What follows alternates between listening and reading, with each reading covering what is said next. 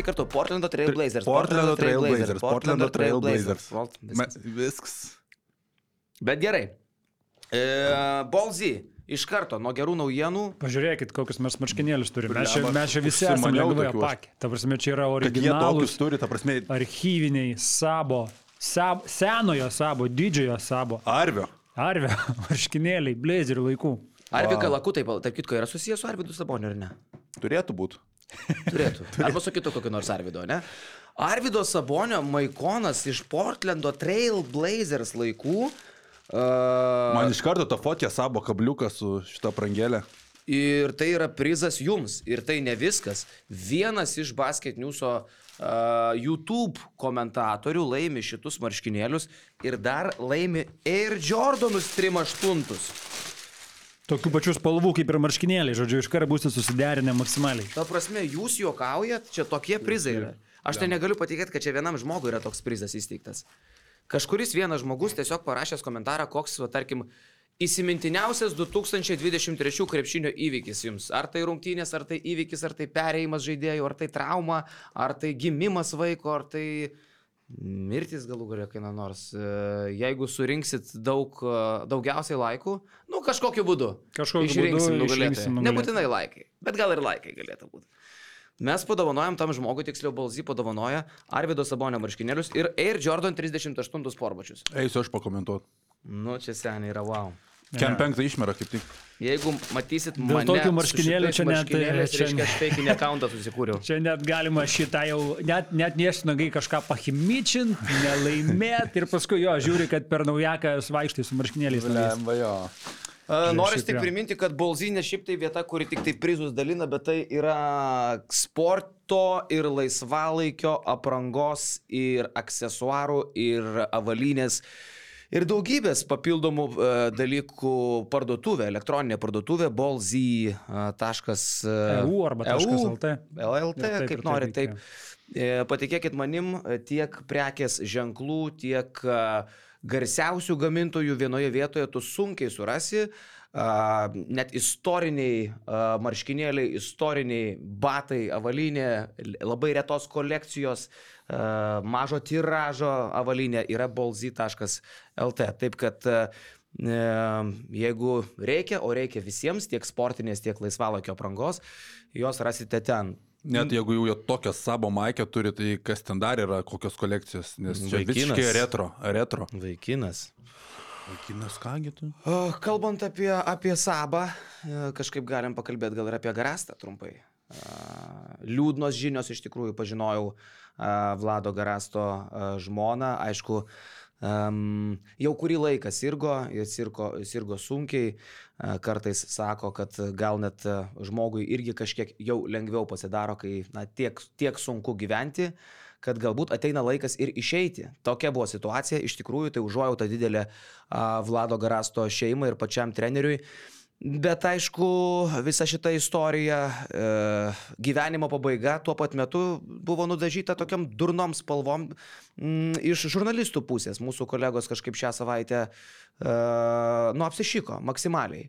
Ir pranešė, ne, ir notifikationus gavome, kad mirė ne e, Garasto žmona, o pats Vladas Garastas buvo palaidotas. Pradžiai Elryto, vėliau Delfio ir nežinau, kas nesurašė. Krepšinis net ir basketinius turbūt iš normalių port Ne, portalų L- didesnių. LRT nesurašė. 15 min gal irgi nesurašė, ne? Ok, tai šlovė jiems. Buvo kažkas, kas nesurašė, bet TV3 tikrai, žinau, mačiau, surašė.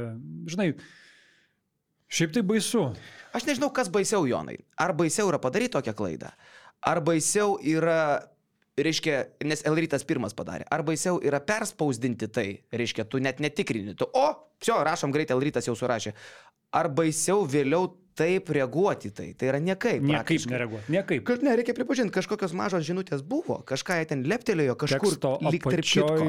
tai parašyta kažkas buvo. Atsiprašome. Bet aš galvoju, kaip būtų, tarkim, vakarų šalise, va, tokioj situacijai. Tu palaidoji žmogų, e, tu realiai šokiruoji, galbūt net kažkurį jo artimąjį, gal net jį patį, nu, nes smagu turbūt matyti savo velionio nuotrauką, savo nuotrauką internete, jeigu Vladas matė. Kaip greitai buvo padaryti paveiksliukai su Vladu Garastu Instagram'e, Facebook'e sukelti, viskas, žmogus juodai balta, baltam fone. Wow! tai aš galvoju, čia tos redakcijos, jos turi folderius kažkokius, kurie iš, iš anksto pasiruošę, čia vat, vat šitie potencialiai kažkada netrukus, tai mes turėkim iškart, nes, nes čia ragas, čia tu turi lenktyniauti, kas paskelbs greičiau apie mirtį. Man šitas yra faktas, wow. Hebra lenktyniauja dėl mirties paskelbimo. Nu, bet žiūrėk, e, nu, aišku, makaberiškas tas biznis žurnalistika yra, bet net ir tokioje situacijoje tai vis tiek yra žurnalistika ir tas klikas, nu, vis tiek jis yra svarbus. Ar, Tai vat- ar tu, sakykime, neiksi, kad Kobe Bryanto žūtis buvo spaudžiamiausias įvykis pas mus portale istorijoje turbūt? Tai jo, bet tu neskubi, nesiverti per galvą ten, žinai, kokiu čia įtempų įvyko, nes ryto net originali naujiena kažkokia buvo kreiva. Antraštį buvo garastas, tekste jau buvo žmona, ten gana viskas greitai buvo suvelta ir taip žinai, kad net cituojantis net neskaitė irgi teksto. Tik tai antraštę paskaitė ir iškart paveiksliukus. Nesuprantu, kaip tu gali apskritai taip nepataikyti, ta prasme, apie mirtį kalbant, tai... Čia, tu, žinai, ir ne- nelabai ne lengva Nežinau, patikėti, kad šaltinis tau meluotų, kad tu pasakė, žinokit, mirė garastas. Kad ir kažkas, kuo tu pasitikė, tokią nesąmonę pasakytų. Man čia panašiau, kad kažkas, kas rašė, nugirdo kažką netaip redakcijoje iš to, kuriam kažkoks šaltinis kažką pasakė. Čia man į sugedusį telefoną viskas labiau Aš nesu panašu. tikras, bet Iš to ar, didelio greičio, žinai. ar nebuvo taip, kad Vidas Mačiulis pirmas parašė ir tiesiog žmogus pamatęs tai perrašė, nepaskaitęs iki galo? Nes, nu kaip jau pas mus Lietuvoje įprasta, Vidas Mačiulis dažniausiai tokias paskelbė mirtis. Bet nu, nežinau, jisai- kaip buvo. Vidas Mačiulis yra kranklys. Jisai, jisai visą laiką sureaguoja į situaciją. Nežinau, ar tai buvo tikrai šitoje vietoje, ir jisai greičiausiai pranešė, bet nu, man nesuprantu, kaip tu taip nepataikė, ta prasme. Jo, bet tai dar įspūdingiau, kad Vlado Garasto amžinatelsi žmona mirė dieną prieš. Praėjo para ar, ar panašiai. Tai, nu, kaip taip informacija suvaikšto, yra kosmosas. Bet, Kokie, kokie yra tada standartai redakcijos? Aš kalbu dabar apie Lietuvos rytą, ne rytą. Kokie yra standartai redakcijos, jeigu jie tokią naujieną kažkaip sugeba pranešti, neturėdami informacijos, ne, nebūdami tikri dėl to, ne tai, kad šimtų procentų, dviem šimtais tūkstančių procentų, tu turi būti tikras tokią naujieną skelbdamas. Tu tiesiog negali čia nekaip klysti, žinai, ir tada Va čia mes savo tam durnam burbulėlį, žinai, kiek visokių turim gandų, gandelių, neskelbiam, kol mes to nesam tikri šimtų procentų, nes nu tada tu gerbi ir žmogų, apie kurį tu skelbi, ir savo skaitytoją gerbi, nes nu tai yra tavo tokia atsakomybė ir prieš tą skaitytoją. Tai koks čia yra atsakomybės nebuvimas, koks yra atsakomybės nebuvimas uh, Tautvido Mikolajūno, aš jį pažįstu, nežinau, kiek 15 metų, panašiai dar atsimenu, kai jis dirbo. gražus vyras šiaip. Ryto video skyriui, a, paskui tapo vat, direktorium, redaktorium a, ir žmogus niekaip nesureaguoja, niekaip. Aš nesuprantu. tavo komentaruose, kai tu parašėjai. Jo, jo, at- atėjo mano komentaruose, liūdesį. mano komentaruose pareiškė užuojautą ir atsiprašymą Garasto Kas šeimai. tarp kitko yra geriau negu pult ir draskyti akis. Man čia patinka tokia reakcija jo. Ok, jisai gal nepadarė tai, ko tu norėjai, ką, kas galbūt būtų protinga, vakarietiška, reiškia teisinga ir parašyti viešą didelį atsiprašymą. Ne kažkokį tylų komentarą, o viešą, normalų, solidų atsiprašymą, kas būtų brandu. Bet tuo pat metu jisai nepuola draskyti akių ir vadinti tavęs debilu. Ir sakyti, kad, ei, tu į save pasižiūrėk, kas šiaip yra būdinga Lietuvoje tokiais atvejais. Tu, o tu, o, o tu durnas esi, apšė, žinai. Uh, jis taip nedarė. Tai bent jau tiek. Ne, nu, yra kaip yra.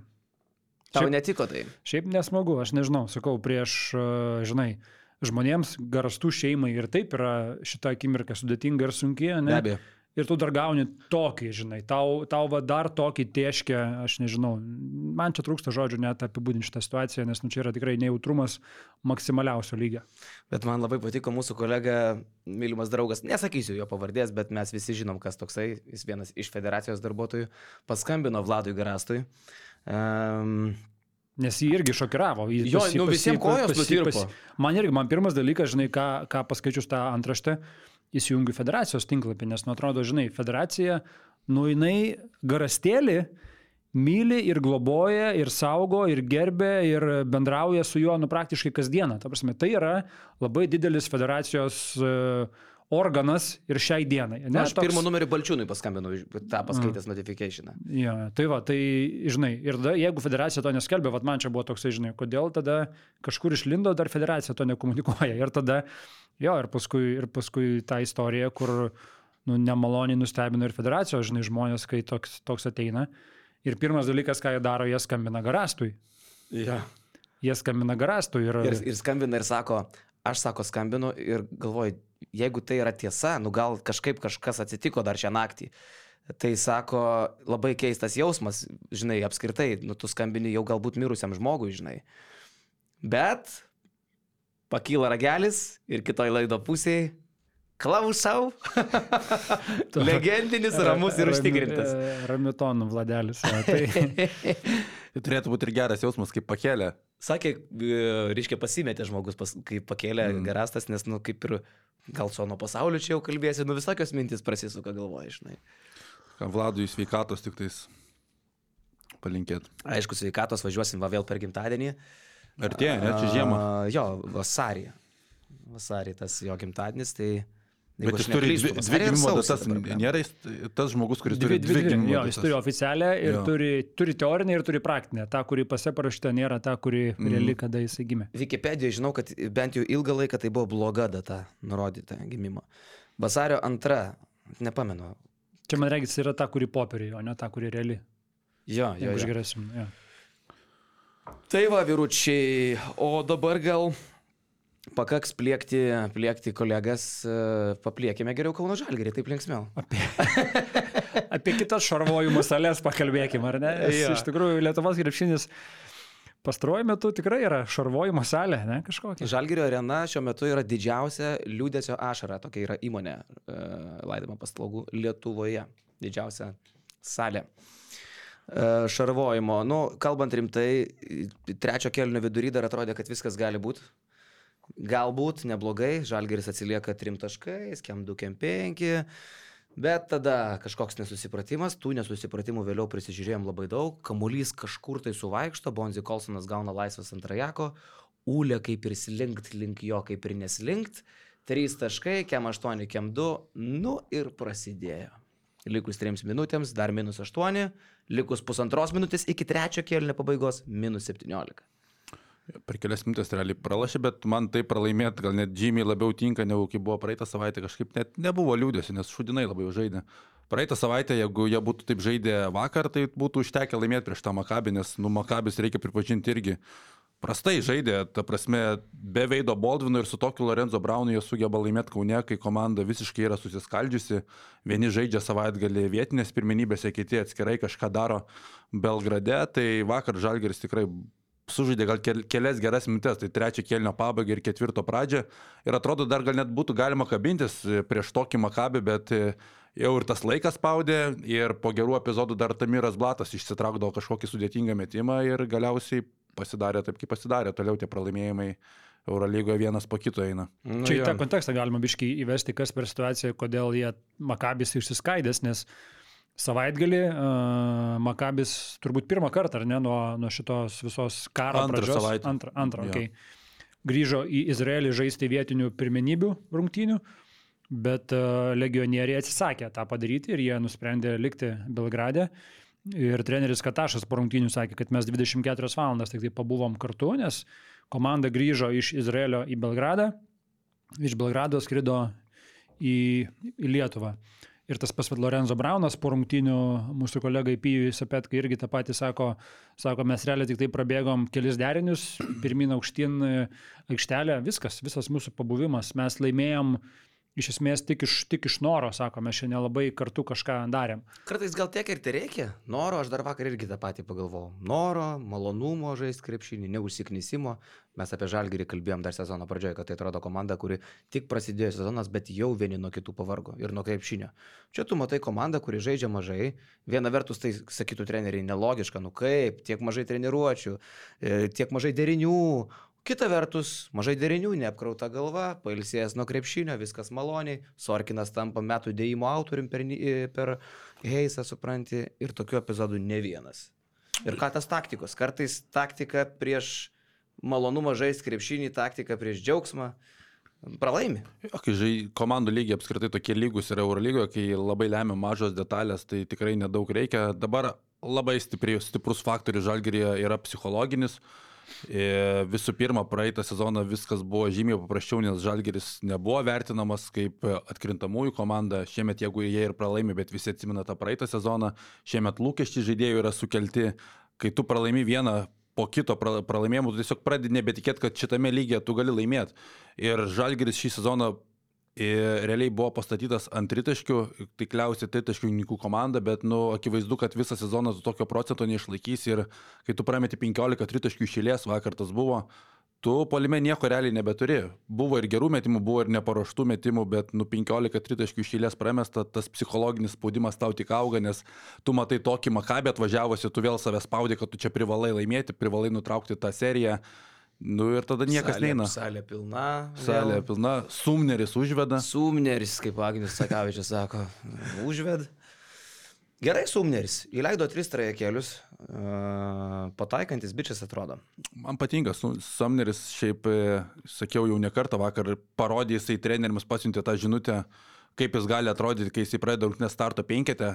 Vis dėlto atvykęs iš MBA aplinkos žaidėjas, jam turbūt ir pačiam sunku suvokti, kodėl aš turiu kilti nuo suolo.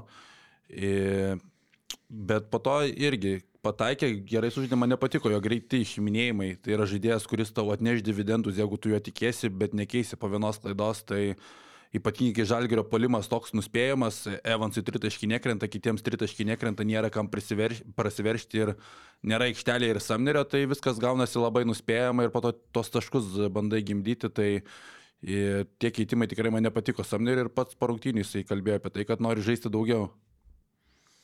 Čia yra vienas iš tų dalykų, ką, ką turėtų turbūt ir treneriai atkreipdėmėsi.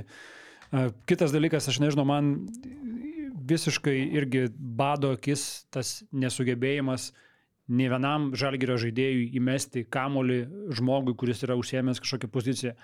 Ir tu įsijungi, žinai, kitas rungtynės, uh, tos pačios Eurolygos, dar tą patį vakarą, vakar ir Bayernas žaidė įspūdingą pergalę, išsiplėšė, ar ten Stambulo derbi, žinai, ir tu matai, kaip, kaip Hebra greitai pastebi kažkokius mismečius, kaip kamuolys suvaišto, kaip jisai ateina iki tos, iki to žmogaus, kur yra kažkoks, kažkoks pranašumas. Ir tu matai žalgerį, kuris, kur nėra žaidėjo, kuris gali įmest kamuolį. Tiesiog nėra.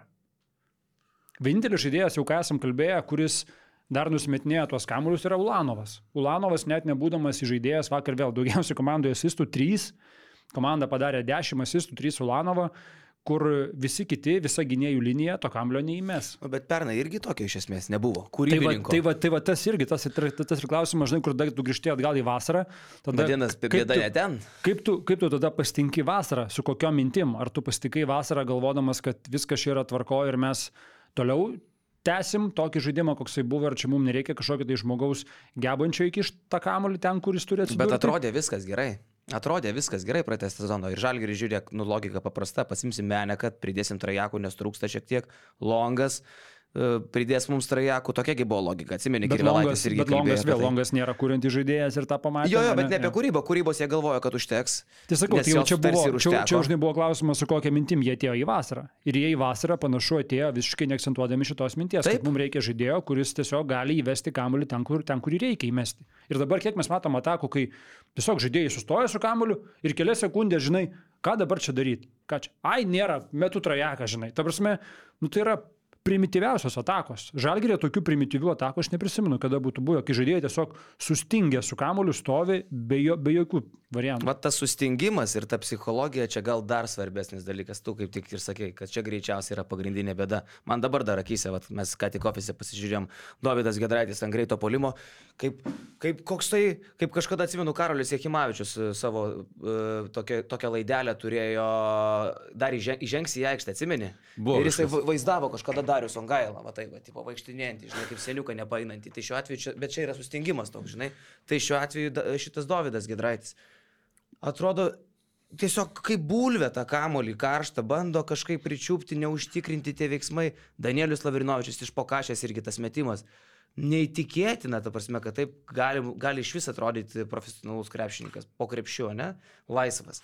Atrodo, komanda tikrai Tai yra psichologija. Psichologija į apačią eina, kyla spaudimas, psichologiškai žaidėjai net laiko. Praeitą savaitę Nes sakau. turi laimėti. Praeitą savaitę buvo gera, bet tu žaidži prieš tokius varžovus, kur dar gal tau ir nebuvo, ten tas jau privalumas laimėti, žaidži prieš stipresnės komandas, bet kai tu matai tokį varžovą, tu save dar apkrauni ir tas akivaizdu 10 asistų 15 klaidų, nu tragiški skaičiai apie tas e, kūrybą mes jau kalbėjom ne kartą, bet aš sakau, e, viskas atrodė gerai, viskas atrodė mums gerai, bet e, mums gali atrodyti gerai, mes greitai galim užmygti, mes nesam tie profesionalai, kurie e, dirba Eurolygos klube ir, už, ir kuriems yra mokami didžiuliai pinigai, kad jie pamatytų, kas yra blogai netgi ir kuomet komandai gerai sekasi, mes užmygom, kuomet Martinas Šileris pirmą sezoną važiavo 50-50 procentų balansų pergalių ir pralaimėjimų, sakom, gal čia viskas gerai, bet mes esame iš šono, mes nesame viduj. Ir tas pasimatė labai greitai kitame sezone, šiemet irgi, kaip Jonas sako, pernai buvo tas žaidimas, tu matai, kad jisai stringa, bet galbūt tai yra komandos stilius toksai, daug improvizacijos, daug žaidimo vienas prieš vieną, bet nu, tu turėtum geriau e, laviruoti tokiuose situacijose, kada tau sekasi, ta, tu parodai rezultatą, bet nu, tas žaidimas jau ir pernai mes sakydom, kad kiek žalgeris išsitraukdavo tų pabaigų, bet jis nebuvo gražus žaidimas. Tai plus šio sezono pradžia irgi tu prarandi Igną Brasdeikį, bet pradedi sezono 3-1, tu užmėgi, tiesiog viskas labai gerai, mes šaukiam valio, žalgerio ofisas panašu irgi šaukia valio bet tas valio matom, kuo tampa. Gaunasi, kad per likusias 13 rungtynių dvi pergalės. Ir Kazys pripažino vakar spaudos konferencijoje, kad viena iš bėdų yra, kad suvėlavo ko gero su naujoko pasirašymu. Surprise, surprise, nejaugi tikrai. Tai va, mes kalbėjom, man atrodo, nuo spalio mėnesio, ne to, kad nu, žalgeris laimi, bet nu, taip nesitęs, prarandi geriausią žaidėją vos ne savo komandos, nieko jo nepakeisdamas, tai čia nežinau, kad jis ar savo priekaištavo, ar ir vadyba, ir bendras ten jų darbas. Dar bet... dėl vadybos, ne, mes visi džiaugiamės uh, Igno Brasdeikio uždarbių žalgeriui, pusę milijono žalgerisgi uždirbo, kaip faina, bet reikia tik tai priminti, kad žalgeris e, finansiškai laimėjo iki tos akimirkos, kol neišeis į playoffus. Nes jeigu jie neišeina į playoffus, vienos rungtynės ten žalgiriui uždirba pusantro milijono eurų maždaug, e, tiek ir naudos. Per, aišku, gali mąstyti, kad gal ir su Brasdėkiu neišeitų mane, nu bet tiki, kad tos pačios sudėties komanda su tuo pačiu geresniu lyderiu patobulėjusiu turėtų nemažai šansų patekti į playoffus. Tai nepatekimas į playiną ar į playoffus Žalgiriui reikštų, kad, kad reiškia, perpardavimas Igno Brasdėkio yra net ir finansiškai nuostolingas ir gerokai, jeigu taip atsitiktų. Jo, tai, tai tada iš kaip sakyti, debitinių Pauliaus Jankūno metų, kurie prasidėjo nuo tokio pardavimo, vėliau su ilgu nepirkimų naujokų, tada su skandalu, su trinkieriai ir komunikacinė didžiausia krizė Žalgirio istorijoje ir galiausiai dar visišką fiasko, kuris dabar gali ištikti, tada pirmieji Pauliaus Jankūno metai būtų, kaip sakyti, pakrapyti labai liūdnai. Ir apskritai ten kalbėt gali apie įkrintamasias, jos kai atsirado kažkokią minimalę viltį palieka, bet realiai tas Eurolygos traukinys nuvažiavo, mes jau sakėm prieš dvi savaitės, prieš Jonas sakė, nuvažiavo. Prieš dvigubą savaitę. Dabar jau nuvažiavo. Kad reikia ten laimėti bent jau kartą, dabar tu turi penkias pergalės. Nu, 11 sykių galbūt tau dar padėtų iš 17 laimėtų patekti į įkrintamasias.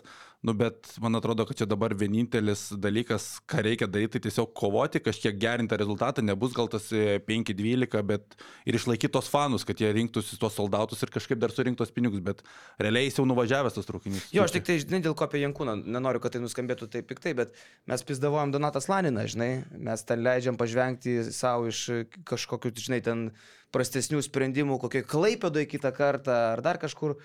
O žalgeris toks visą laiką, o žalgeriukas, nu dieve, nu nesiseka, nu ne, nu pripjovė grybo, jo, tai mat. Ir tai nėra visiškai tik tai, a, žinai, tiesiog nesiseka. Prie to kažkaip reikėjo prieiti su vadybiniais sprendimais, blogais sprendimais, tu nepataikai su pirkiniais vasarą, okay, būna nepasiseka. Bet visą kitką aš jau vardinau, tai yra N, plejada.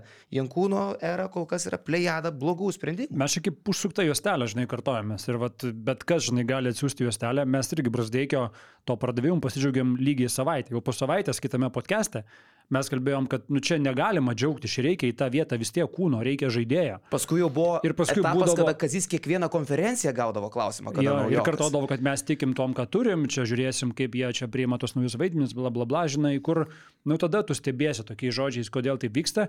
Ir kažkodėl turi praeiti kažkiek laiko, kol tai yra pripažįstama, kad, nu jo, suklydom, žinai. Bet tada, ką Jonas ir minėjo, nu tai mes iš šono kalbėdami, mes realiai pezam, nežinodami realios situacijos. Tu būdamas klubo viduje, tu turi numatyti viską žingsnį į priekį, kad tie pezėtojai iš šono nepradėtų pezėti, nes tu jiems turi užbėgti už akių, su savo sprendimais, o kitų sprendimų nėra ir jie, jų ne tik, kad nėra, bet jie begėdiškai vėluoja, tu ateini iki tokios situacijos, kuri ta situacija dabar nėra, aš sakyčiau, turbūt aiškaus atsakymo, kodėl Žalgiris dabar taip yra.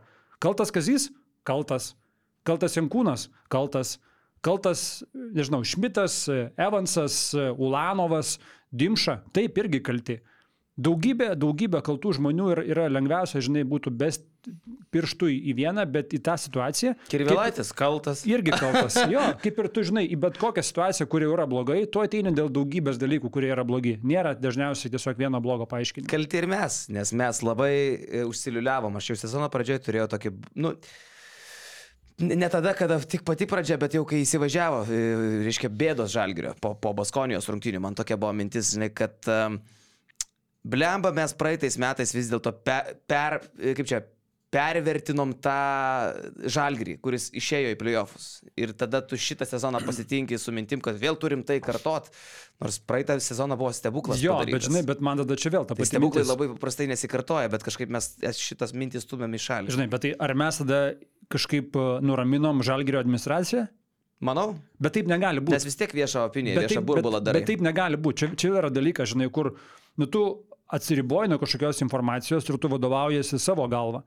Jeigu kažkas, žinai, man iš šono podcast'ą kažkokiam tai kitam aiškintų, kaip dirba mano redakcija, aš žinai, aš gal kažką ir paklausyčiau, bet aš geriau už juos žinau, kaip jinai realiai dirba ir kas joje veikia ir kas neveikia, kokie tai yra žmonės, kokios jų stiprybės, kokie minusai, nu vis tiek tu geriau žinai.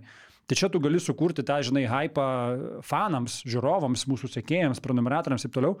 Bet tu to hypo negali sukurti administracijai klubo, kuris geriausiai šituos dalykus turėtų suprasti. Dar vienas įrodymas, aš mėgstu tą posakį, nešventieji puodus lipdo. Senas, bet labai teisingas posakis. Kai tu įsivaizduoji, kad kažkur ten nugi dirba, tai wow, čia aš gal nesuprantu, o ten tai wow.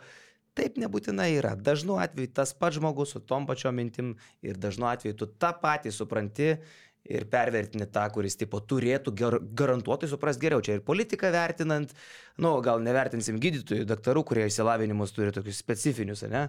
Bet e, tok, tokias, vat, e, kaip sakyti, ne raketų mokslo dalis kaip krepšinis, e, vis tik tai panašu, kad dažnu atveju valdo, nu, tikrai nedaug, daug protingesni ar išmanantys žmonės. Tai va jau ne vieną kartą įsitikinom, bet pažiūrėjau irgi tą situaciją, kai atvyko Holinsas trim savaitėm, pradžioj buvo kalbama, kad galbūt kodėlgi neišlaikius to Holinso ir pasiemus dar vieną žaidėją, aš ten iškart sakiau, kad per tą perimų langą tu nebegali imti daugiau žaidėjų, tu arba pasilieki Holinsą, arba imi žaidėją. Ir tos vakar rungtynės buvo labai geras atspindys, Kazys nežino, kaip išratuotų žaidėjų per pirmą kelnį visi 12 pasirodo ant parketo, reikia kažkaip ir 5 minutės duoti Lekavičiui, reikia duoti 5 minutės Holinsui, bet tada kokia iš Holinso apskritai yra nauda ir kam jį reikėtų pasilikti, grįž dar Arnas Butkevičius, tau bet kokiu atveju trūksta į žaidėją.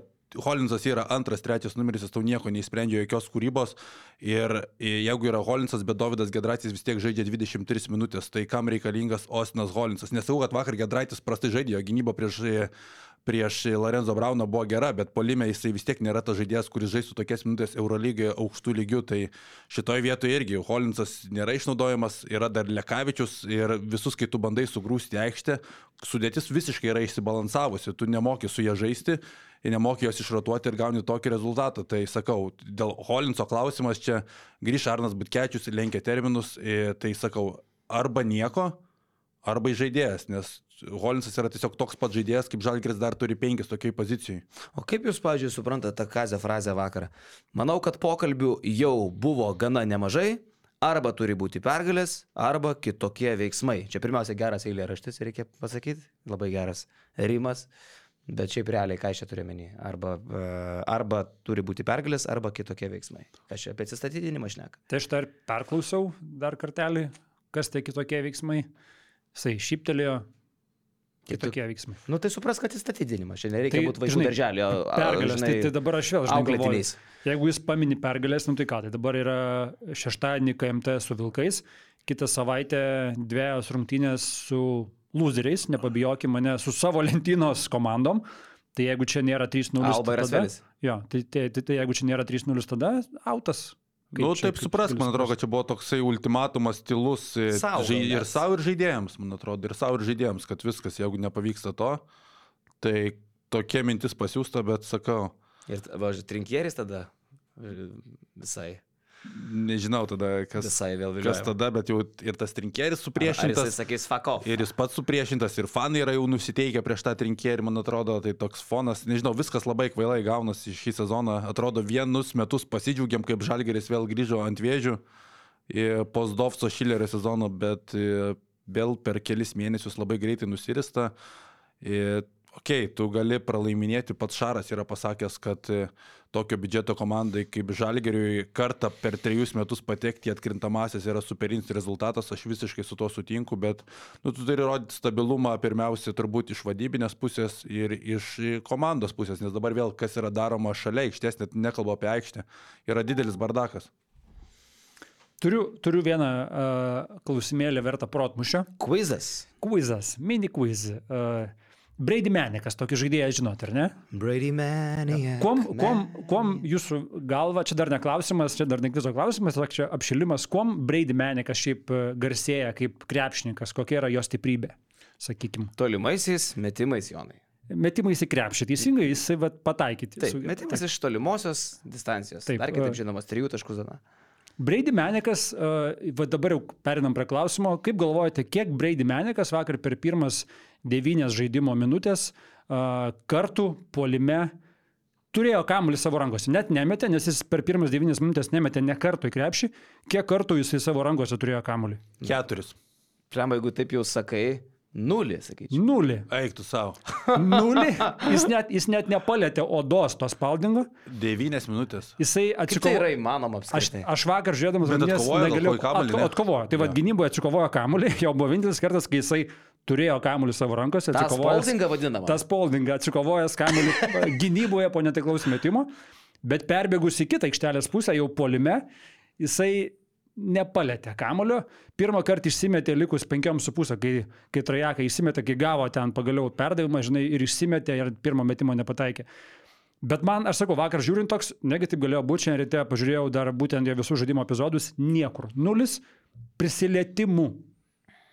Tai vėl, žinai, ką, ką tai irgi iliustruoja ir apie kamulio vaikščiojimą, ir apie idėją meniko aikštelėje. Kam tu laikai meniką aikštelę 9 minutės, jeigu jis net neprisiliečia prie kamulio? Kokia yra... Žmogus gynyboje yra šiaip e, bė, vadinamoji bėda, kaip Edas Nickus sako. Pakalbėkime apie bėdas. Tai apie Meniką galim pakalbėti mm. gynyboje. Tai dėl gynybos tu jo nelaikai, o polime iškalbingas skaičius, nu, jeigu jis, jam net nesukūriamas metimas yra.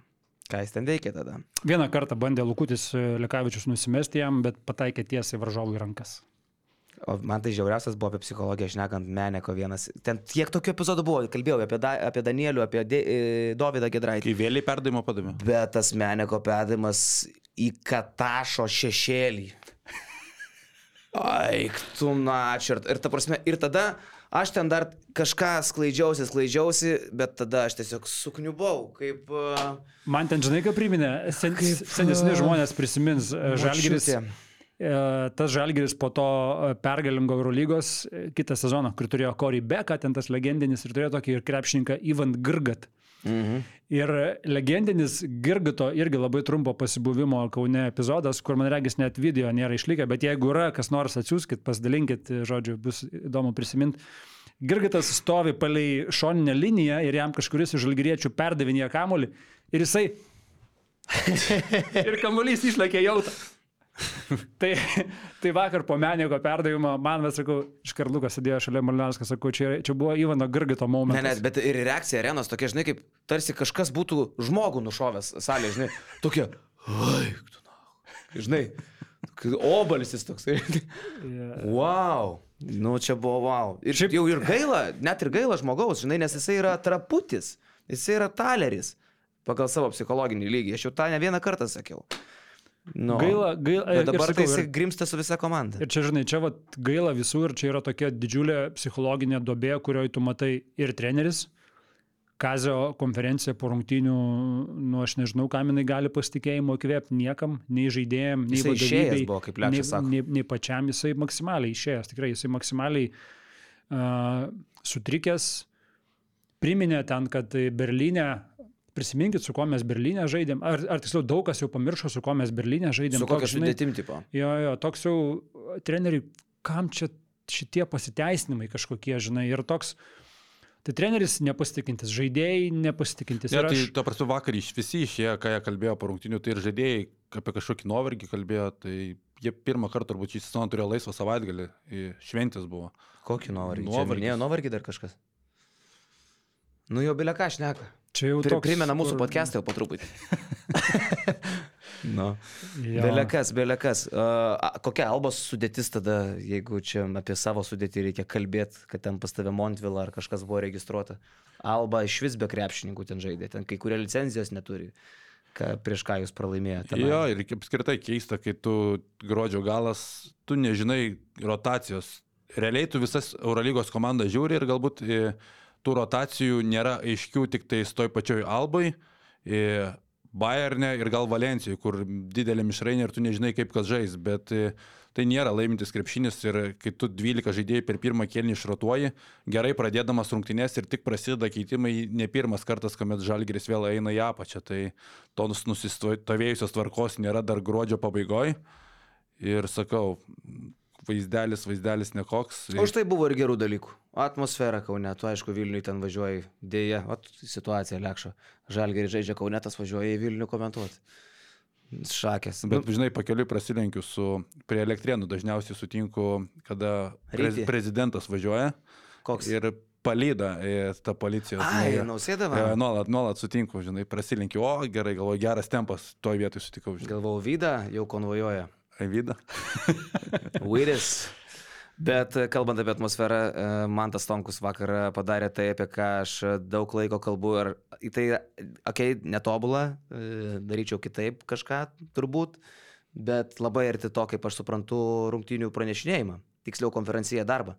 Andrius Žiūrauskas, viskas tarkoj, nežinau, ką jisai užveda, manęs jisai neužveda absoliučiai. E, Bet e, aš nesakau, kad Stonkus ten labai užveda e, jo pristatymas ar kažką, žinai. Čia skonio reikalas. Čia vis, man labiau apskritai patinka Jono Radzevičiaus stilistika, o ne tas e, draskimasis ir sklaidimasis nuo, nuo sporto halės laikų. Kada mes žaidėm tvartę, tai galbūt tas tvar, tvarto rėkimas buvo gerai, man dabar norėtųsi, kad tai būtų kitaip. Bet čia mano nuomonė. Bet kalbant apie Stonkaus užvedinėjimas ir galių ir skanduočių skandavimą kartu su sirgaliais, taip kaip vyksta, tiksliau vykdavo Minor, Minoro Meftachi, kol dar ten krepšinis vykdavo, kai ten pranešėjas daug metų su sirgaliais dainuoja. La la la la la la la la ir sirgaliai tą patį jam atsako ir tas vyksta toks kaip mišios, kaip pamaldos. Yra pastorius ir jisai, ir jisai jas veda, žinai. Tai yra, wow, ir vakar Stonkus kažką arti to darė. Vietoj suknisto šokio per minutės per traukėlę, kur išeis mergaitės ir ten apsimesim, kad faina. Išėjo svarbių momentų, pasėmė Maiką, nuėjo į salės vidurį, mergos ploja, o tas dainuoja ža, žaliai balti. Jo. Ir kaip tik tada visa arena pradeda pasijunginėti, lietai, užtikrintai, nuoširdžiai, tvarkingai, balsingai, gal net šiek tiek ir balkaniškai, žinai. Šitaip galima išmokyti kauniečius nebūti kompleksuotais. I- Apskritai lietuvius, krepšinio mylėtojus. Nes ten susėdas tas kliuškų paradas toksai, žinai, nusipirkė bilietus už 120 eurų, kojytę uždėję ir jeigu tu tik tai biški garsiau pareikia, dar atsisuka, tokia nustebus vis ir toliau žiūri į savo tą krepšinį. Eik tu iš čia čiortų. Aš va tokių fanų nesuprantu ir jų atsirado per daug, kaip su Navikausku šią Aš savaitę. nesutinku. Ta prasme, o kas... Kas Nu, parėk. Biletė yra prieš tai, kad tu turi atėjęs rėkti. Tai kam tu tada čia sėdi? O Aš kur- kalbu apie tą, apie tą pagėžingą žvi- žvilgsnį į tą, kuris rėkia, arba klausykit, prisėskit, mes čia žiūrim krepšinį. Eik namo ir žiūrėk. Ne, jeigu priekaištauju, dar suprantu. Aš apie jį kalbu. Bet jeigu jis savo tas žmogus ramiai sėdi ir žiūri krepšinį, tai Viskas tvarkoja, bet tie priekaištingi snukiai, tokie pagėžingi, žinai, tokių vat, visokių labai rimtų susireikšminusių bobelkų, nu mane ten, žinok, pjauna. Tai jų yra per daug. Ir toks tonkaus išstojimas, nu, aš manau, ir, ir jeigu tai būtų dažniau, aš manau, kad, žinok, pažadintų net ir tą kliušką, kuri ten sėdi ir tokia visa labai savo faina, žinai. Tai man, man tai- tas, ta man, žinai, iniciatyva man- gera. Aš kai esu senas uh, Komunistas. cinikas ir hateris, uh, aš tai nepatikėjau Stonkom, nes aš jaučiau, kad jis nesupranta, ką daro šiaip. O, o geriau nieko? Supranti, ir Geriau jau- tada- Jis, jis, jis, jis vien per pristatymą. Dar niekada mes nepralaimėjome šešis kartus iš eilės. Mhm, man tai kelių metų istorija buvo devyni pralaimėjimai iš, eilių, iš eilės. Ką, Aha. ką tik dar mes. Aš tai neklausiau, ką jis Mes išsakė. visi prisimenam. Tai tai mes visi, kurie čia arenoje esam, atsimenam. Nu tikrai, nes tai ką tik buvo prieš Šaro ir apie tai yra kalbama turbūt irgi va dabar per, ša, per, Tai prieš Šilerą buvo per šeši. Kazą, prieš Šilerą buvo, tai va, prašau. Mes dar niekada nepralaimėjome šešis kartus. Ir toks, žinai. Bet Nu, tu kalbi, tu bet kalbi, mes su fanf- Stonkum dar tu neturėjome. kalbi fanfarom, bet tu nelabai supranti, nes tu nelabai turbūt domėjai ir tu nelabai esi giliai tame dalyke. Varėva, šito gal neišklausiau, bet man labai patiko pats tas minutės pertraukėlės fonas, kuris vat, toks yra ten Serbijoje, toks yra Tel Tai Avive. va trečio kelnio ir ketvirto pradžia buvo jo, tikrai Jo, buvo ok. Ir tai pavyzdys, kad galima pažadinti tą arenytę, tik tai reikia biški drąsos, balsų arenos ir tai labai svarbu. Užvest tuos žmonės. Ir tiek žinių. Man irgi žymiai labiau patiko geriau daryti, tu galėjai ištobulinti, bet tai yra realiai pirmas kartas. E, Kartais gali atrodyti keistai, bet e, žymiai keiščiau viskas atrodo, kai 15 tūkstančių žmonių ir girdisi, kaip tas kamuolys atšoka nuo parketo. Tai man tikrai ta idėja patiko, ją reiktų nepaleisti ir man atrodo galima taip kažkaip išjudinti, nes tikrai yra keista matyti areną visą tylinčią ir vieną tribunėlę kažką šaukiančią. Tai... Arena taip tylėjo, kad aš Audi klube 121 sektorių 16 eilė rėkiu Bonzi Kolsonui e, kažkokias tai ten frazės e, linksmas. Bonzi atsisuka į mane ir žvengia. Tai įsivaizduoju, kokia turi būti tyla. Čia atmosfera aфиgena pas mus yra Žalgirio arenai. E, Ir čia ne aš sugalvojau, kad jis atsisuko, tą matė visi ir, ta prasme, ir žvengia žmonės, žinai. Tai, reiškia, kai mes su Vyktu nueinam į ASG, tiksliau ne į ASG, į Džipo areną, nu, vieną kartą į ASG buvom ir ten žaidėjus iš pirmos eilės pa, pakibinam. Nu, tai viena, nes tu šalia jų, bet kai tu iš 16 eilės tokioj saliai 15 tūkstančių žmonių ir tu vienas iš 16 eilės susikalbi su Bonzi Kolsonu, tai atmosfera, o, žinai, tai trūksta va tokių kaip Stonkus išstojimų. Ja, čia netikėtina, kad iš 16 eilės Kolsonas atsisuka į... Du žmogų. kartus. Vieną kartą ieškojo kur, o kitą kartą jau surado, nes labai aiškiai, žinai, ga- garsas sklido ir pažvengė. Tai čia, tai čia tu tiesiog išprovokavai. E, Aš, aš už tą trajeką, kokiam jisai 8 užsikūrė. kem 2, tai prisiemu atsakomybę. Iš tikrųjų. Mm. Kaip teroristas prisiemu atsakomybę. Kas dar keista, žinai, kad e, dar prisimės atsakomybę turim dėl Katašo nurašinėjimų, bet negalvoju, kad tai pasakysiu, bet vakar Katašas tiesiog laimėjo trenerių kovą, žinai. Tu gali sakyti, vieni nelabai norėjo, kiti kokybės nebuvo, bet Katašas su tais išsikeitimais triple switchų, kur trys gynėjai tarpusai susikeičia ir gaunasi, kad jokio pranašumo nesusikuria. Žalgeris prie savo derinių daro tos pačius, Ulanovas paskutinį fazį gaunasi, kad centruoja prieš Džošanybų. Tai pranašumo jokio nėra ir Katašas iš tos situacijos, kaip jisai verčiasi dabar, nu tai tikrai gerai laviruoja. Atsimeni Katašo himną. Odet Kataš, Odet Kataš. Kakoj portret, kakoj peizaž. Tai va. Vaikulė, man atrodo, dainavo čia.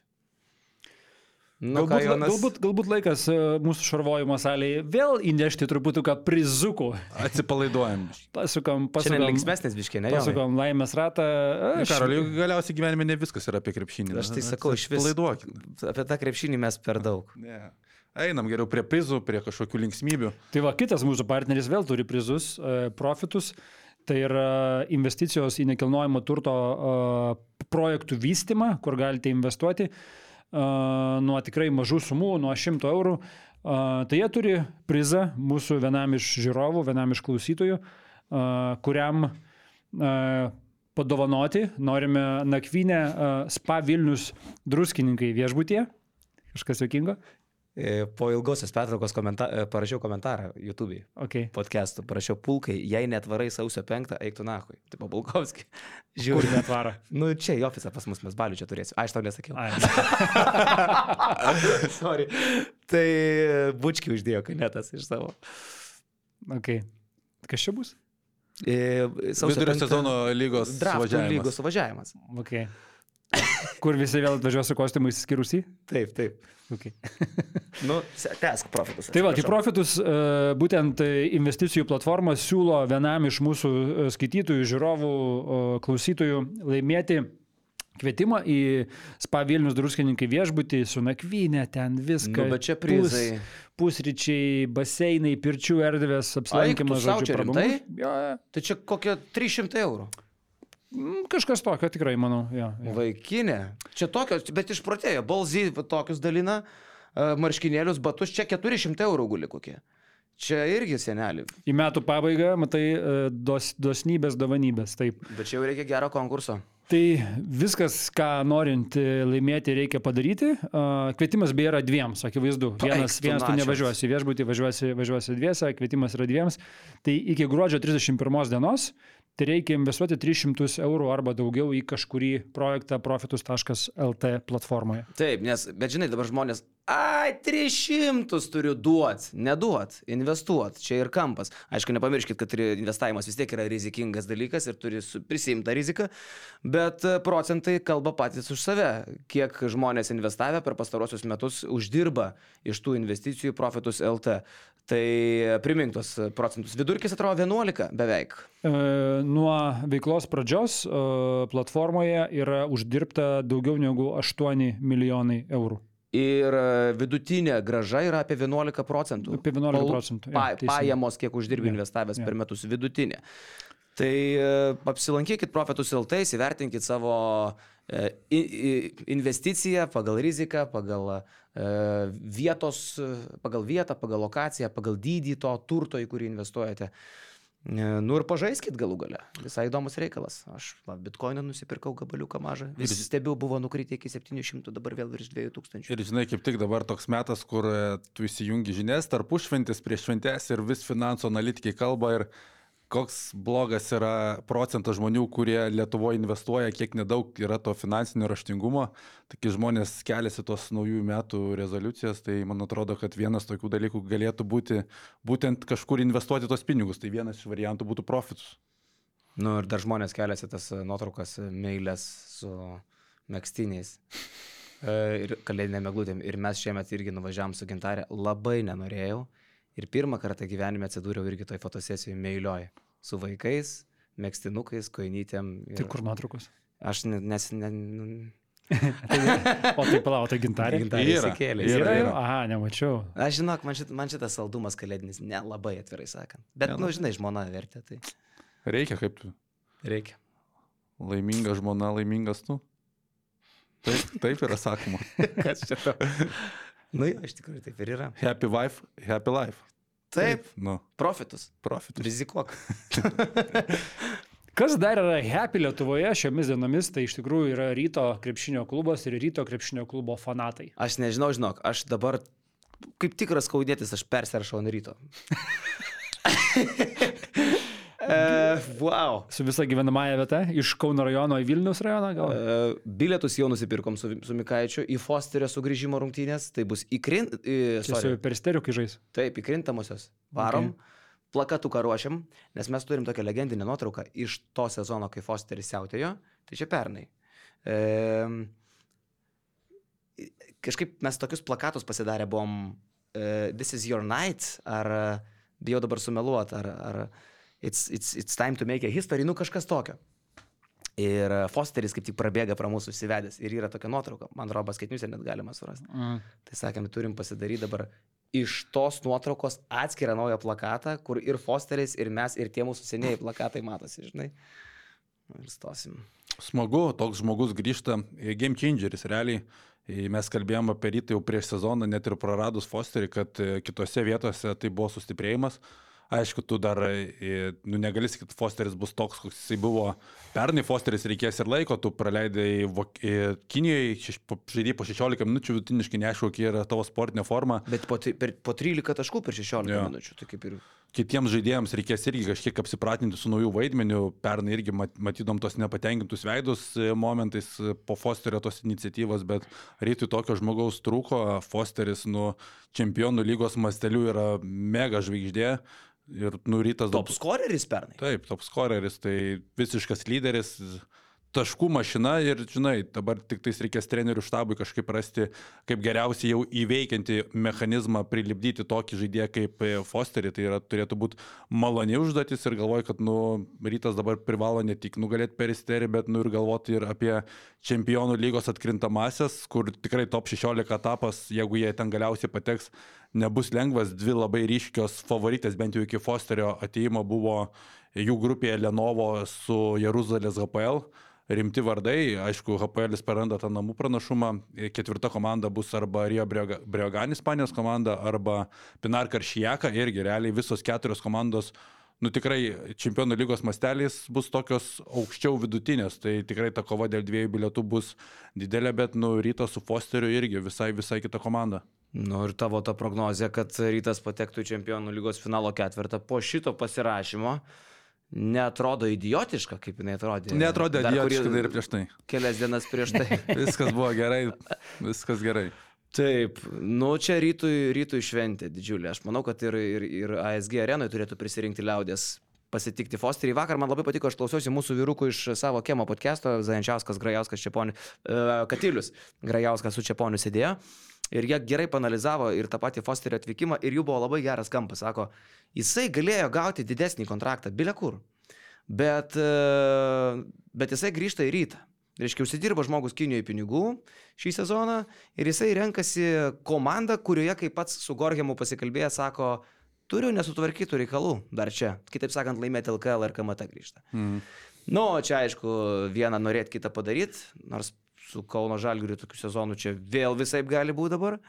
Bet, to prasme, jisai motivuotas, super. Kas gali būti geriau už legionierių, kuris nori pas tave sugrįžti ir net, net turint, turint omeny, kad tikrai ne tik dėl pinigų, arba net ne dėl pinigų, nes iš esmės tu nesi tas, kuris jam gali pasiūlyti daugiausiai. Tikrai atsirastų žaidėjų rinkoje, kurie norėtų tokio krepšininko kaip Fosteris. Ir čia irgi Tai, pagarba. tai fanam čia yra tiesiog uh, Saldainis. sutikimui, reiškia meiliai. Nu ką, rytas turėjo tokių kažkada, Štelmacherį, ten Nilseną, Mujazinovičių, Eisoną, kuriuos mylėjo kaip savus Price. Zinovičių pasakėjai, biškis rusiškų aktų. Mujazinovič. E, o čia manau, kad Fosteris į tą pačią lentyną ateina. Kreimerio. Jo, ir kai legionierius pasirenka mažesnius pinigus, tai daug pasako ir apie trenerį. Tai čia pagarba ir Gedrių Žibėnui. Praeitą sezoną Fosteriui apskritai buvo pirmas karjeroje, kuris sužaidė į visą, nuo pradžių iki pabaigos. Ir tai, kad jisai dabar grįžta į Vilnių, tokies, tokiamis aplinkybėmis, tokioje situacijoje, tai irgi daug pasako apie tiek organizaciją, tiek daugiausiai apie Gedrių Žibėną. Ir čia iš tikrųjų yra pagrindas džiaugti, žinai, fanams, nes, nu, fanai būtent ir turėjo su juo labai didžiulį ryšį. Ir tai yra tas žaidėjas, kuris dabar jau, kai tu matai, kad jo sugrįžimas įvyksta, tu vertini, kad tai nebuvo tiesiog tokie, žinai, feikiniai kažkokie jo įstojimai ir tas pamojavimas, žinai, fanams. Žalgirio. Ir, ja, ja, ir, ir tas visas, ir tie žodžiai, ką jis apie fanus kalbėdavo, tai reiškia, nu, jam tai reiškia tikrai groja šitie dalykai jo, jo viduje. Ir, ir tikrai nėra daug krepšininkų, kurie rinktųsi būtent tokį variantą. Tikrai nėra daug, tai čia tikrai yra išskirtinumas didžiulis. Čempionų lygos Instagramas išstojo dar apie Žibėną beje. They haven't lost, jie nepralaimėjo nuo lapkričio 25-osios ir e, jeigu mes turėtume mėnesio trenerių apdovanojimą, uh, The Rising Star of Lithuanian Coaching would be a more than deserving winner. Žodžiu, Gedrius Žibėnas, pasak Čempionų lygos Instagramo, jeigu būtų renkamas mėnesio treneris, būtų... O per tą mėnesį kiek rungtynių čempionų lygoje žaidė? Gruodį buvo dvi. Tai... e, nu gerai, bet gal Čempionų lyga vertina ir žaidimą Lietuvoje, kuris irgi geras. Jie nepralaimėjo apskritai gruodį, viskas laimėta tiek Lietuvoje, tiek Europoje. Ir, pavyzdžiui, toj pačioj Utenoj, okei, okay, Utena be Ivy, viskas tvarkoja, bet salė įsielektrinusi pilna. Juvė užsivedus, gerai startuoja, čia dabar KMT ketvirtfinalio pirmos rungtynės vyko. Ir tu matai rytą, kuris lipa iš minus 12 labai greitai, labai užtikrintai su Uliacko trajekėliais ir užtikrintai laimė tas rungtynės, ne šiaip savo.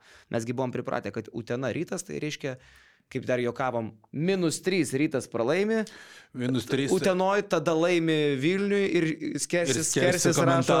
Facebook'o postą apie tai, kokie teisėjai yra gaidžiai.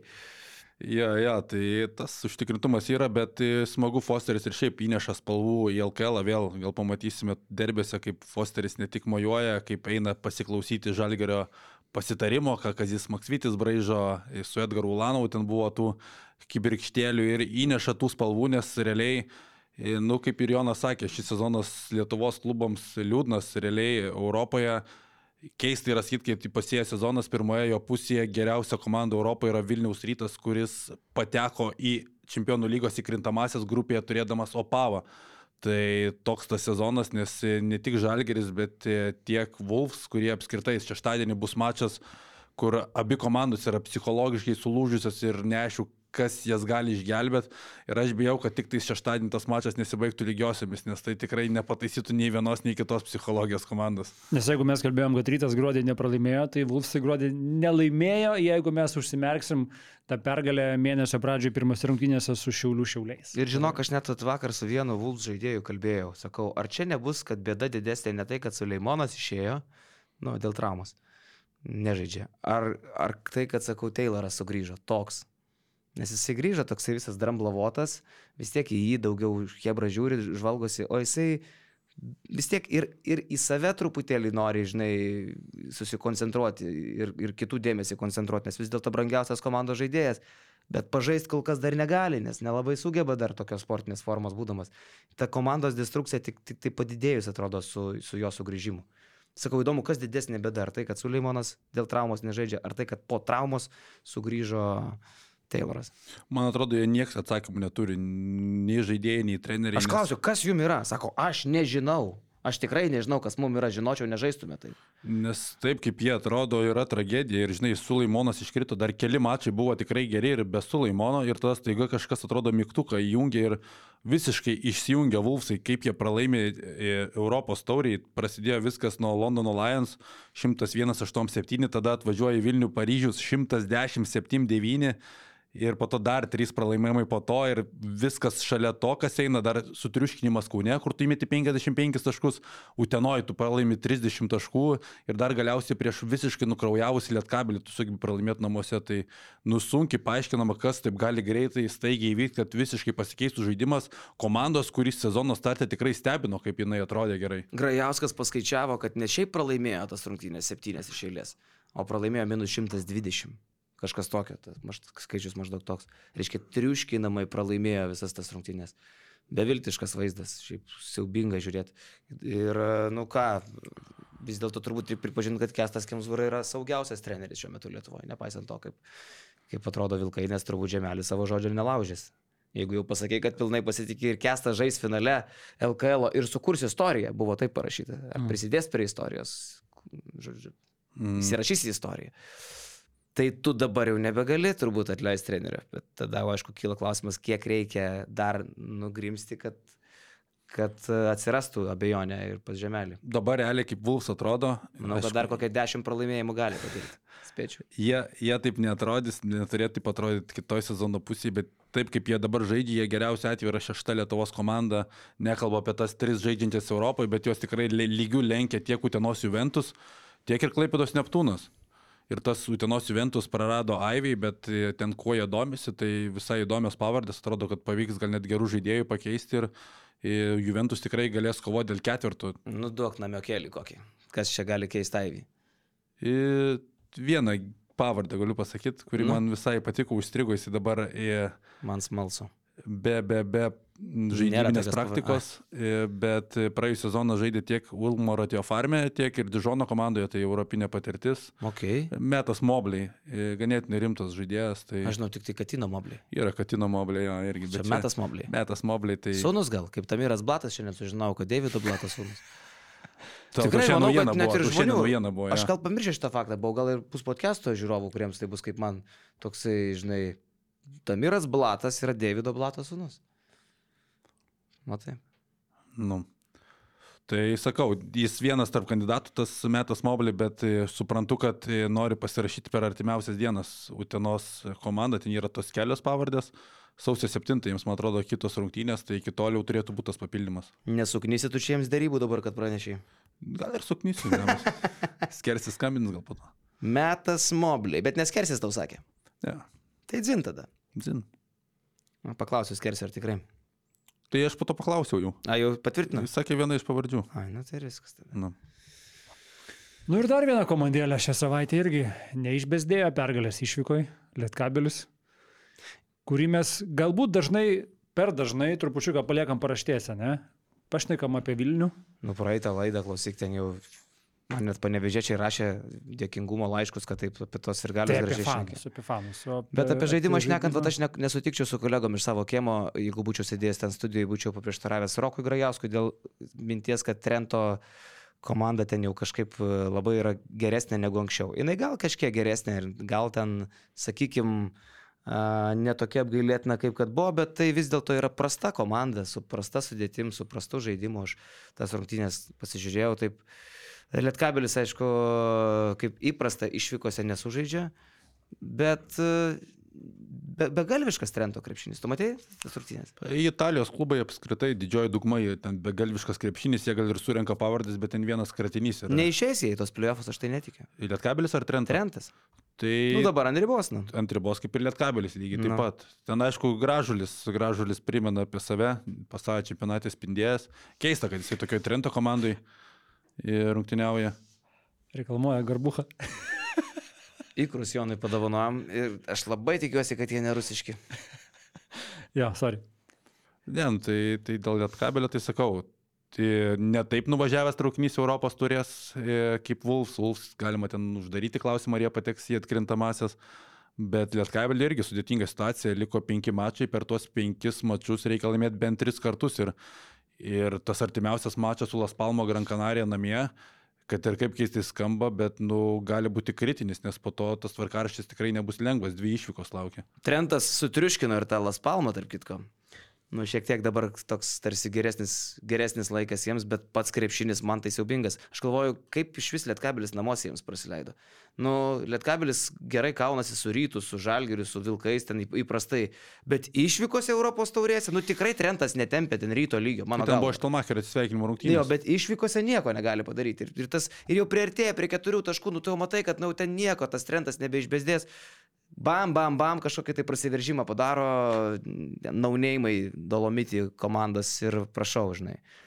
Aišku, Lietkabelis, nu visą sezoną jie su traumom. Nežaidžia Valinskas, e, Varnas dabar ilgam iškritęs, Lipkevičiui plaučių uždegimas irgi neaišku, kiek laiko nežais, jau gal turėtų grįžinėti, bet Dovis Bičkauskis tik dabar sugrįžęs, tai ta komanda irgi išbalansuota, neturėjusi nei vienų rungtynių kartu. Tai toks tas rezultatas, atrodo, jų grupė yra palankesnė, galima kabintis, bet nu to rezultatai reikia jau dabar, o tos traumos neleidžia jo rodyti. Štai dar, žinai, ko pasižavėjau iš Lietkabelio žaidimo. Aišku, pralošė, tai pralošė, toks primena man, jie kokį 2, 2 5, 6, 6, 7 žalgerį tokį, kur nuvažiuoja į išvyką ir tu jau žiūri tas rungtynės tik, tai, taip, tik dėl to, kad įpratę žiūrėti krepšinį, bet nesitikė laimėti. Tai dar tais laikais pirkdavo mažiau bilietų žaidėjams, nesiveždavo ten 11, 12, 10 skraidindavo. Jo, nes neapsimoka, aš nes... šitą, kai sužinau, tai iš viso pakau.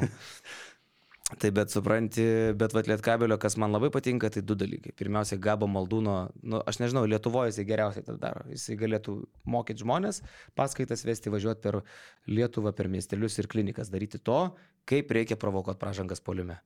Nu, tas jo sugebėjimas užsimti pozicijas Maldūno, jau tiesiog, aš jau net žvengiu, isteriškai žiūrėdamas į ekraną, kaip niekas dar ne, nepasimauna, kad bėgti į Maldūną neverta, nes bus bauda poliume. Jis tobulai iš Lipkevičiaus išmokęs šitą fintuką ir savo mokytoją gal net pralenkė. Vitenį Lipkevičių. Reiškia užsimti padėti ir provokuoti pražangas. Tris kartus taip ištratino jisai Trento komandą. Vien šitose rungtynėse. Ir jeigu tik tai žiūri, kažko, ko, ko, ko, ko, ko, ko ten kažkas jau į kažką to įsirėž, ten maldūnas stovi. Tai įsivaizduok, jeigu tu kvatoji, kaip turėtų mokytojas irgi kvatoti žiūrėdamas tą patį vaizdą. Manau, kad taip. Jis puikiai žino, kas vyksta, žinai. Vitenis. Yeah. O kitas dalykas tai Davidas ir Vydis. Nu, man tai nuostabu į jį darosi. Aš, aš tai mėgaujuosi. Mėgaujuosi žiūrėti į jį. Jis man yra labiausiai į krepšininką panašus krepšininkas Lietuvoje. Šimtų procentų. Jis tiesiog yra krepšininkas. Kūnas, rankos, judesiai, toks biški džiazo lengvo aikštelė yra. Man tai gera tiesiog jį žiūrėti. žinai- Metimo grožis, prasiveržimai, pasitikėjimas savim, žinai. Toks Sirvidžio dar nematydamas, kai daugiau apie jį Sirvidį mitas būdavo, tu vis tiek kažkaip tau jisai būdavo įdomus, nes jisai turi tą tokią gislelę grino krepšininko. Nu, jis ir- krepšininkas yra, man atrodo. Jis yra boleris. Jis yra boleris ir, žinai, ir turbūt... Tai vadinamas Graickas. ne? Jeigu aš neklystu, jis tiesiog yra krepšininkas. Taip, taip, taip.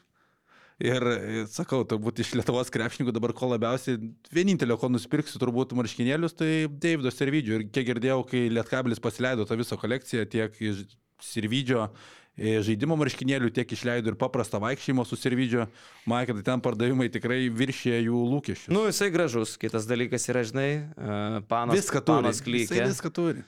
Jo, jisai viską turi, mašiną turi, būtą turi. Ne, jisai, jisai turi žaisti. Vardą turi, pavardę turi. Jo. Jisai turi žaisti. Bliamba, jis, žinai, gal net kažkuria prasme Šarą primena ir išvaizda, ir tarkim tuo modeliavimu. Šaras irgi modeliukas buvo kažkada. Bet tarkim, komandai turėti sirvidį, tarkim, tai čia yra ir marketinginė prasme. Taip, taip, gudru. gudru. Tai čia jie viską išlašė su tuo. Jo, ir tas trajekėlis, dar jeigu jis jį, kaip sakyt, nuglūdins, žinai, technika graži, viskas gražu, nu tik tai kartais tikslumo trūksta, ne? Kai užsiplėskė, tai užsiplėskė, bet procentai jo nėra mega. Bet šiaip aš galvoju, vieną dieną persilaušęs ant tų geresnių procentų, žinai. Ir žinai, aš spalio pradžioje vis gaudavau tuos skrinčiotus, nu, tai susirvydžio, žinai, ten tas statistikos, tai ką čia tas, ką aš, ką aš čia per žaidimą. Ir aš tave duhu vadinau, man Ir atrodo. tu mane kartą, daug bet čia ne dėl to. Žinai, turi šiaip, žinai. tai ta, na, žinai. Ta, ta, ta, nu, nu. Nu, nu, nu, tai dabar dingo tie skrinčiotai, niekas neberašo apie servidį, niekas nepasidžiaugia, kaip čia jis dabar atrodo, žinai. Tai. Jo, tai va, tai, nu, man, tai, tai, man tiesiog įdomu žiūrėti krepšinį, kai jisai lošia. Ir aš labai noriu, kad Žalgeris jį pasimtų. Noriu ir aš. Trim metam, 3 plus 1, kaip su Mazaru. Pas Mazuro trumpesnis biškai. Kas? 2 plus 1. Ai, kontrakt. Nu taip. Ir kitą savaitę į Panevežį, klausykite, atvyksta Eurolygos krepšinis, kas irgi panevežiečiams turėtų būti maloni kalėdinė naujametinė dovana. Ir atvyksta dėdė Šas. Aš vakar važiuodamas atgal iš Vilniaus e, pagalvojau kažkaip, kiek žmonių paspėliokim susirinks panevežį kitą savaitę. Ketvirtadienį. Gerai, 1700. koks laikas, po 9.5 ar ne? Kuri, kurią valandą žaidžia dabar? Taip vėlai? Bent jau pradinis buvo nurodytas, bet nežinau, ar nepakeitė. Jonai, tu biški per, pervertini panevežėti. Aš sakyčiau- Jam išsigrūsti iš namų kažkokią turką žiūrėti. Blem, aš vėl žemai čia taip šneka. Atvažiuoji pas tave, Šars. Sumner nėra, Sumner supranti, nėra Sumner. Tai, Sumneris. Yra Nigel Hayes Davis. Blem, netiki, žinau. Manau, kad tūlo panevežėčio tu nesuviliosi su kažkokiu 19 ma- turas. makabiu. Tada aš nebesuprantu nieko. 19 turas. Žiūrėk, kertam, kad žmonių nebus daugiau iki 2,5 tūkstančių, sakau. Bus. Aš irgi tą ribą nusistatęs, kad yra Iki dviejų su tarp puse 2-3 tūkstančių. Kiek tu sakai? Nu, aš sakau, bus daugiau. Iš įgros tos rusiškos. Garbuhos, gerai. Ne, ten vokiškai iš tikrųjų. Gerai, 19 kem 5. Vokiškai įkra man neskamba, seniai. Parašyta, kad iš Vokietijos. 19 kem 5 neblogas laikas ateiti į rungtynės panevežiečiui, bet kitas dalykas, ten net nesirinkdavo į Lietkabelio rungtynės, panevežiečiai kurį laiką dabar jau tas rinkimasis prasidėjęs. Ir kitas momentas, Vėgėlė bus įdomu. turėtų atvaryti. Ir Kitas momentas, kad Žalgeris nuo 9 žaidžia. Tai ir tas panevežėtis galbūt Žalgerį pasirinks per teliką įsijungti. Žalgris žais su Asveliu. Jo, nuo 9. Lemba, tu gal gali pamatyti pamatyt- žyvarau. Tu gali pamatyti Šarą gyvai ir tu pasirinkai žiūrėti Žalgirį Senės, su, aš su turiu abonementą, bet aš gal net važiuosiu į Panevežį. žinok, Aš nekomentuočiau, tai varyčiau, panevežį tikrai, nes, blemba, geros rungtynės. Pirmiausia, Feneris, Feneris Makabis. Nu ir istorinis įvykis šiaip jau. Nu. Nebus, daugiau niekada nebus Eurolygos panevežėje, tu turi tai suprasti. Nu, nežinau, Martinas Purlys tavo apsisiotų batus už tokius žodžius. Ne, neapsisiotai. jisai Nebent pats- dar atvažiuos Efesas irgi sužaisti Nu, su tuo nebent. pačiu Makabiu. Bet čia galbūt ta iniciatyva ir Šaro buvo daugiau, ne, kad į Lietuvą vykti žaisti. Kažkaip gal čia dėdė pridėjo Aš ranką. manau, kad pridėta buvo. Aš nežinau, kieno ranka, bet šiaip e, rungtynės Stambulė negalėjo vykti dėl to, kad tiesiog aukščiausių lygmenių tai buvo priimtas sprendimas.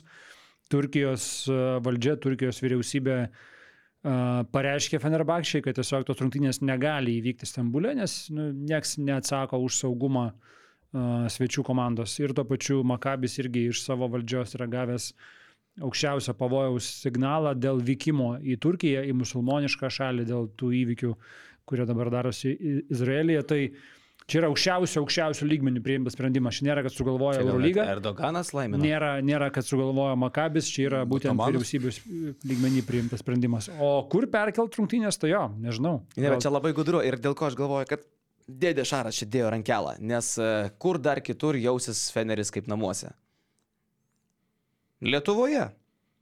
Nes čia jų namų rungtynės. Nu, žinai, dar. Arba arčiausiai namų atmosferos. Tarkim, turkų, turkų daug yra ir Vokietijoje, žinai, bet tada vėl toje pačioje Vokietijoje tu nebūsi toks tikras dėl saugumo, nes nu, ten reikės tau padidinto saugumo uh, svečių komandai. Maccabi Nevežys dėl- senais laikais irgi reikėdavo. Dabar jau, kai jau vertelka sėdi, gal kitaip. Paprasčiau situacija. sakai. Žinai vertelką. Pa- Girdėta pavardė. Kie- Kiesų šeima ten visai, nu ten baisu. Siaubas yra. O, o, o, o, o šitas, šitas kitas dalykas uh, pasirinko to pačiu ir nu, baisiausią areną Lietuvoje. Dėja, bet tai. Nu, tas Bet tai trekas- turbūt užimti buvo, aš įsivaizduoju, kad Vilnius turbūt buvo užimtas. Kitas variantas, kas belieka klaipėda. Ir aišku, panevežys dabar žiūri ir, oh, kaip tu pasakėjai, negražiai, bet nu, sutikim. Nu. Šiauliai. Šiauliai. Atsiminkim, kaip buvo gražu, kai Lietkabelis praeitą sezoną Šiauliuose žaidė paskutinės mažojo finalo rungtynės. Kaip ten gražiai ta salė užsipildė žiūrovę, viską. Ne, tai bus koks bunkės koncas ir negali vykti. nes Bunkės kosmosas. Kosmosas.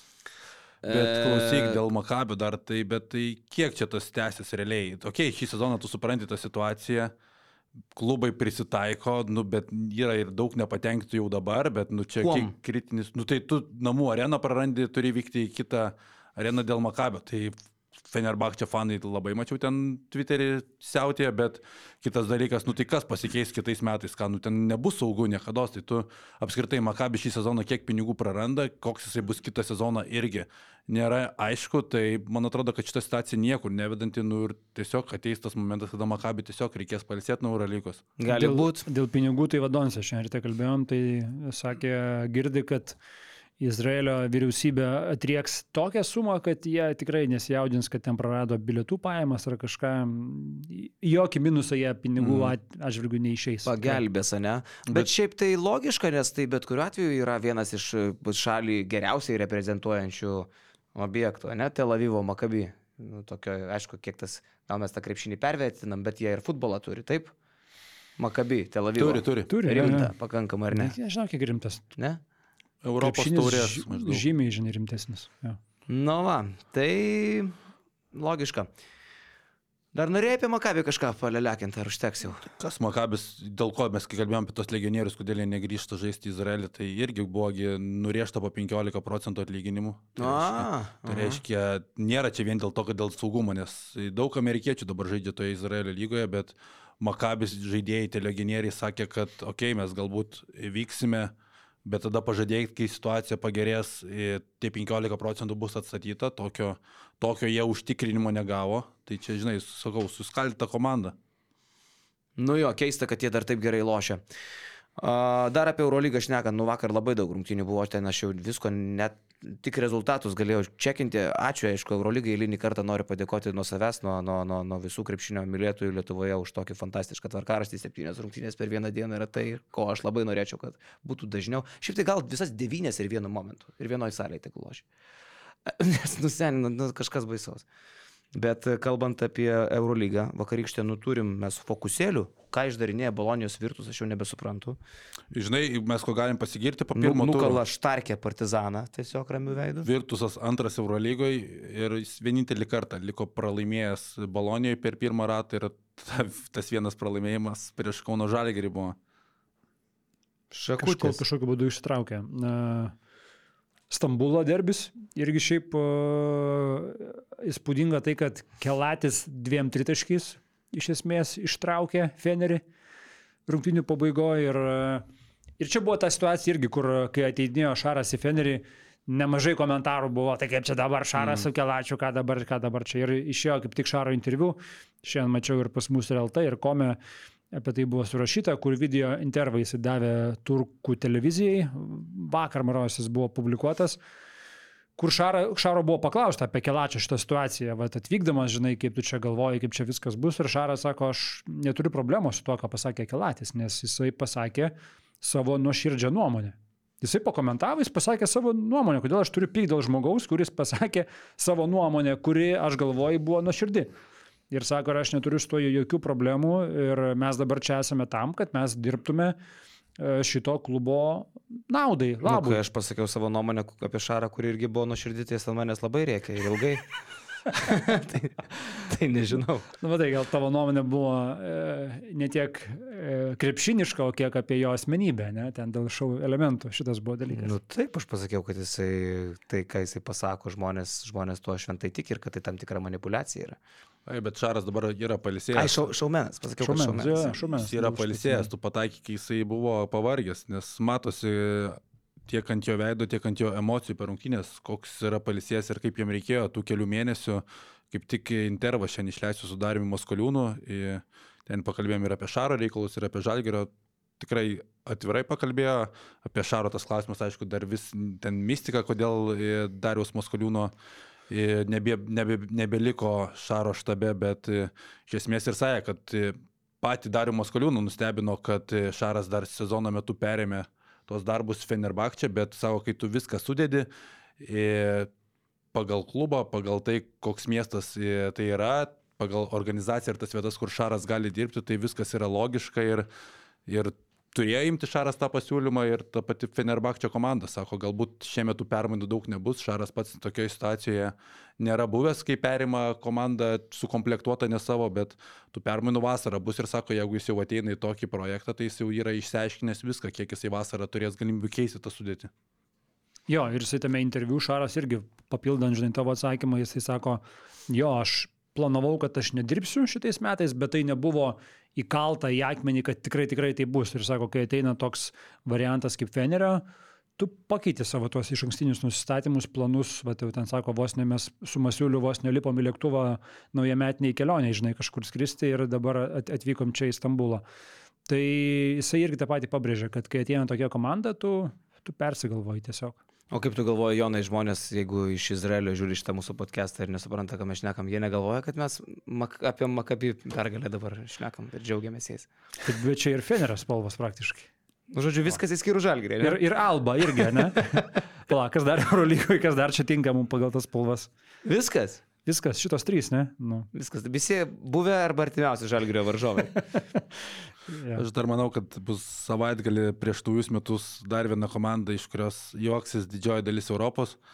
Ten turėtų įvykti ferverkai, man atrodo, prieš pat naujus metus, iš ankstiniai ferverkai. Barcelona. Ir tai atrodys labai keistai, bet, bet panašu, kad viskas jau link to yra suskaičiuotos Rodžerio dienos. Bet uh, kod, kod, kodėl? Kaip sako mano Kristupas mažasis. Kodėl? Nu, aš pats nežinau kodėl.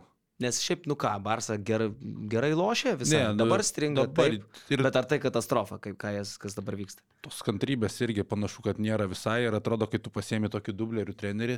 Ir... Ko tu tikėsi, ne? Ko realiai? tu tikėsi? Tai tau jisai pradėjo per gerai. Paskualis ar kas čia turi būti? Ir tai tu pralauki tos metus ir sulauki to paskualio vasarą, bet jeigu tu, nežinau. Ar jie tikėjosi, kad jie bus Eurolygos lyderiai?